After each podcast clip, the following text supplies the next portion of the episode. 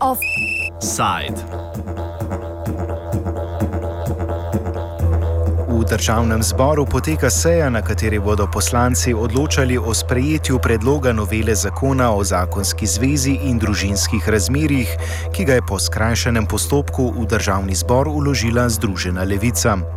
Vsebino zakona predstavi Nika Kovač, članica inicijative za demokratični socializem. V bistvu se gre za amantma zakone um, in v bistvu, ki izenačuje pravice raznospolnih in istospolnih partnerjev. Um, glede na to, da 14. člen ustave v bistvu pač, um, zagovarja, da, met, da morajo imeti pač vsi pač, um, enake človekove pravice, skratka, uresničevati načela enakih človekovih pravic, ne glede na raso, spol IPD, ne, um, je trenutna zakonodaja diskriminatorna in v bistvu pač ta predlog amantma zakona pač daje vsem enake pravice. Ne.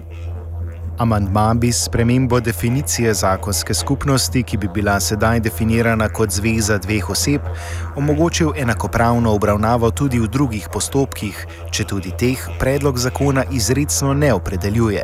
Gre za uh, predlog spremembe, um, zakon pa pač omogoča poroke.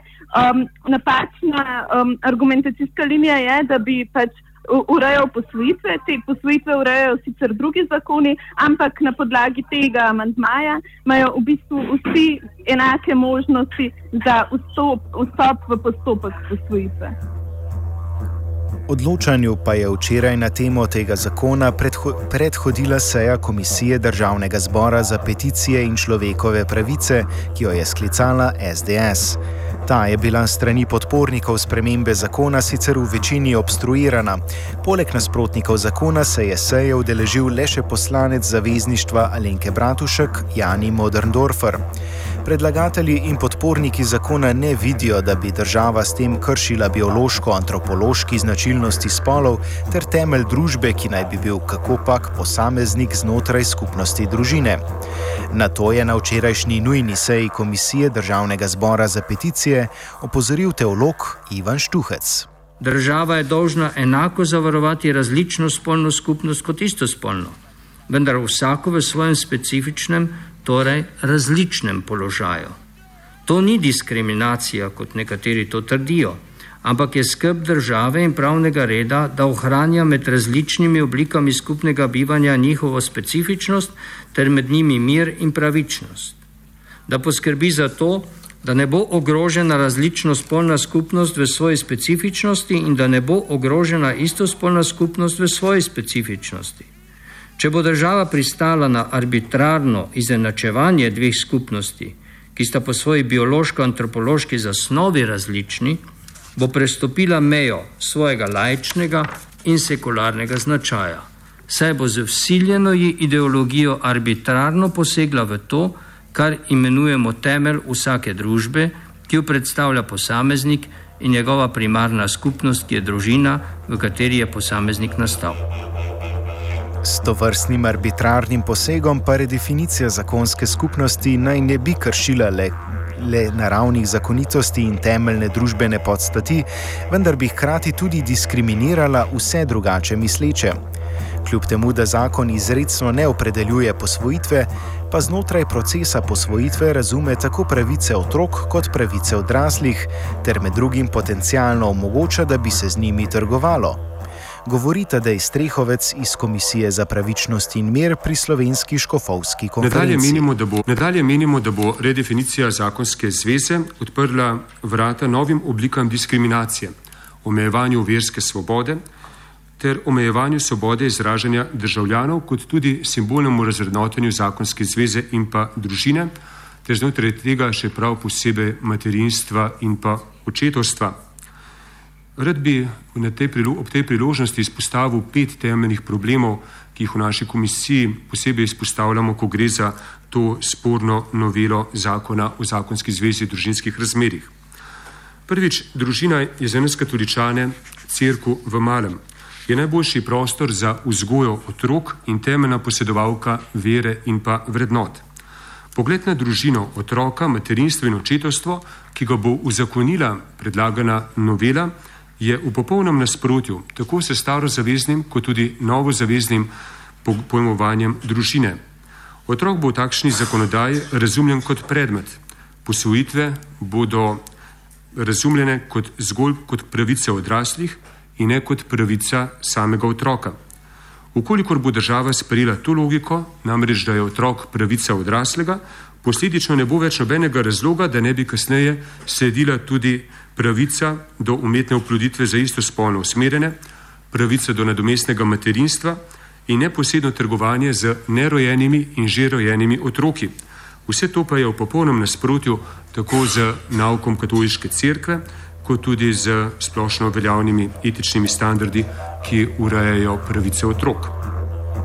Strehovec je prav tako razložil, da gre pri tovrstnih diskusijah za vprašanje življenja ali smrti, saj naj bi sociologija dokazovala, da je le heteroseksualna zveza omogočila preživetje skupnosti na dolgi rok.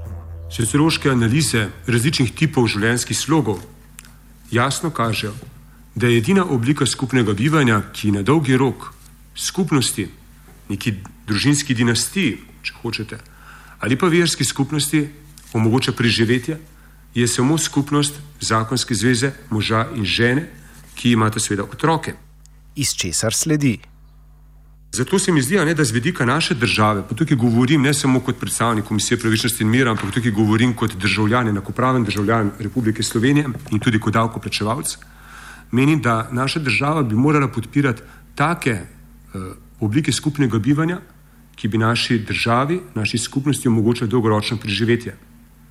Če se je nek del naše države odločil, da bo promoviral take življenjske sloge, ki bodo povzročili izumrtje naroda, je to v demokraciji seveda lahko popolnoma legitimno, vendar ni potrebno zato, da bi izumrle tudi druge družbene skupine, ki želimo na dolgi rok preživeti. Raziskave v sklepih sicer niso enotne tako v sociologiji kot v psihologiji, slednje pa se soočajo tudi z negotovostjo uporabljenih metod v oziru raziskav vpliva različnih oblik partnerskih skupnosti na vzgojo otrok, na kar je na seji opozoril psiholog Janez Musek, zraven pa opomnil, da statistični podatki in nemoralnost nekaterih LGBT aktivistov zato tudi omogočajo postavitev hipoteze o možnosti negativne vzgoje strani istospolnih parov. Z vso odgovornostjo lahko rečemo, da raziskovalni izsledki niti ne dokazujejo, da razlike v omenjenih učinkih so, niti ne dokazujejo, da jih ni. Eh, ampak to je razumljivo, ker je doslej praktično nemogoče bilo izvesti metodološko odločilne študije, ki bi dovolj velike primerjalne skupine izbrali iz naključnih vzorcev populacije in ki bi zajele 40 do 50 let dolgo spremljevalno obdobje.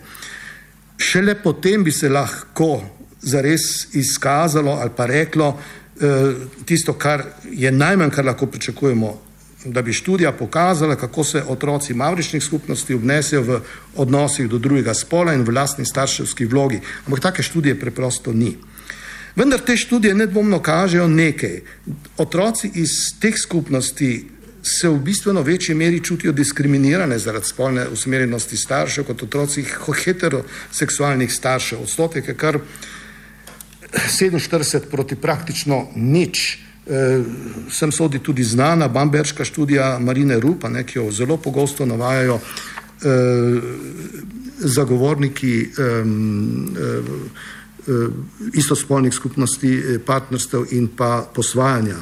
Eh, praktično vse študije, ki jih to občutje diskriminiranosti sploh zanima, seveda nastopajo eh, otroci v teh študijah kot žrtve predsotkov, to je popolnoma jasno, ampak to ne zmanjšuje dejstva, da eh, ta občutja ogrožajo njihov, njihovo psihično blagostanje.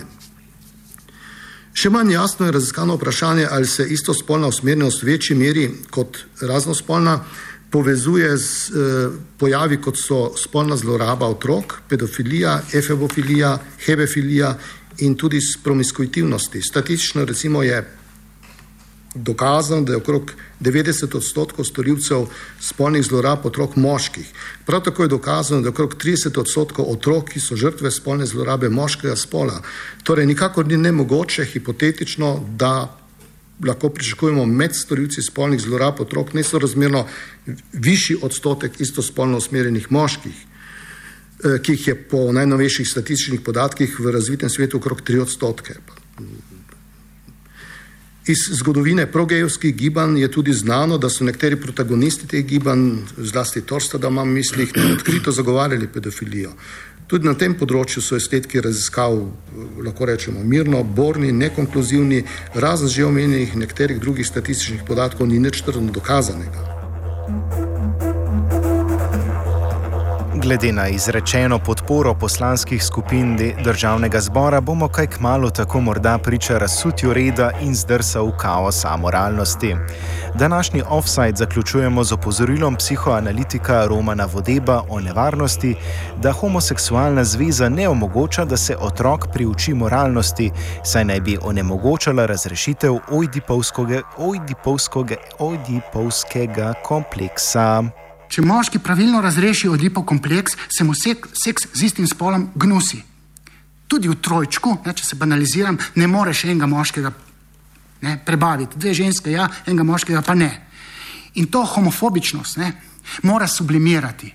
Ne smejo pokazati, ne sme pretepati temega enega reveža Mitja Blažica. To se ne sme. Ne? In je treba pretvoriti, pretvoriti v normalno eh, strpnost. Ampak te geji, ne, uh, pa niso v eni točki, niso oni, nor, uh, moralni niso, ne, ker etiologija prehoda v homoseksualnost. Pa, zakaj je nekdo homoseksualen? Je, trije so znani. Uh, genska anomalija je lahko um, traumatična nosečnost v četrtem mesecu matere, se pravi, se že rodijo kot geji in niso bolani, ne da se jim pomagati, se ne da zdraviti, ker to ni bolezen. Spolne zlorabe, te se dajo rehabilitirati. Eh, obstaja pa pol ta napačno razrešeno Edipo kompleks brez očeta. Te ne samo, da imajo problem spolni, uh, v spolni usmerjenosti, spolni identiteti, spolni želji, oni moralno ne morejo razsojati.